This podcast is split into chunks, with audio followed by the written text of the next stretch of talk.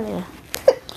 Ular kobra Lepas bajumu lah. atau ular ular reptil dari ordo Squamata yang tidak berkaki.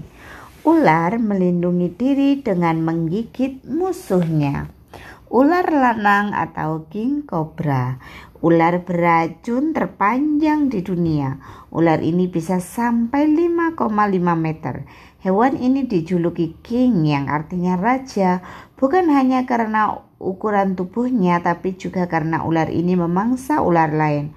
Ular lanang terkenal dengan tudung kepalanya yang keluar mengembang disertai suara desis ketika merasa terancam atau marah. Ular lanang bisa berwarna kuning langsat atau coklat gelap tergantung habitatnya. Di mana habitat ular lanang? Ular lanang hidup di hutan, bisa jadi di rumpun bambu dan di sepanjang tepi sungai dan rawa di Asia Tenggara. Bagaimana kehidupan di alam liar? Ulang, ular lanang adalah hewan yang tertutup. Ular ini suka menghabiskan waktunya di dalam gua yang gelap atau di dalam liang. Hewan ini adalah perenang yang baik dan bisa memanjat pohon. Untuk mengejar mangsa atau musuh, ular lanang bergerak sangat cepat sehingga targetnya tidak bisa melarikan diri.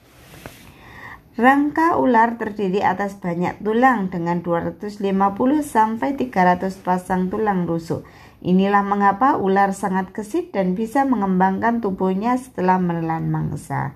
Bagaimana dengan taipan pedalaman? Racun siapa yang paling mematikan? Taipan pedalaman adalah ular paling terbisa berbisa di dunia. Bisa seekor ular taipan kedalaman cukup untuk membunuh 250 ribu tikus kecil. Ular kawat biasa, ular cacing, ular kawat biasa atau ular cacing hidup di Asia Tenggara. Terkadang ular ini sering dikira cacing dan tanpa disadari sudah berkembang biak di pot bunga.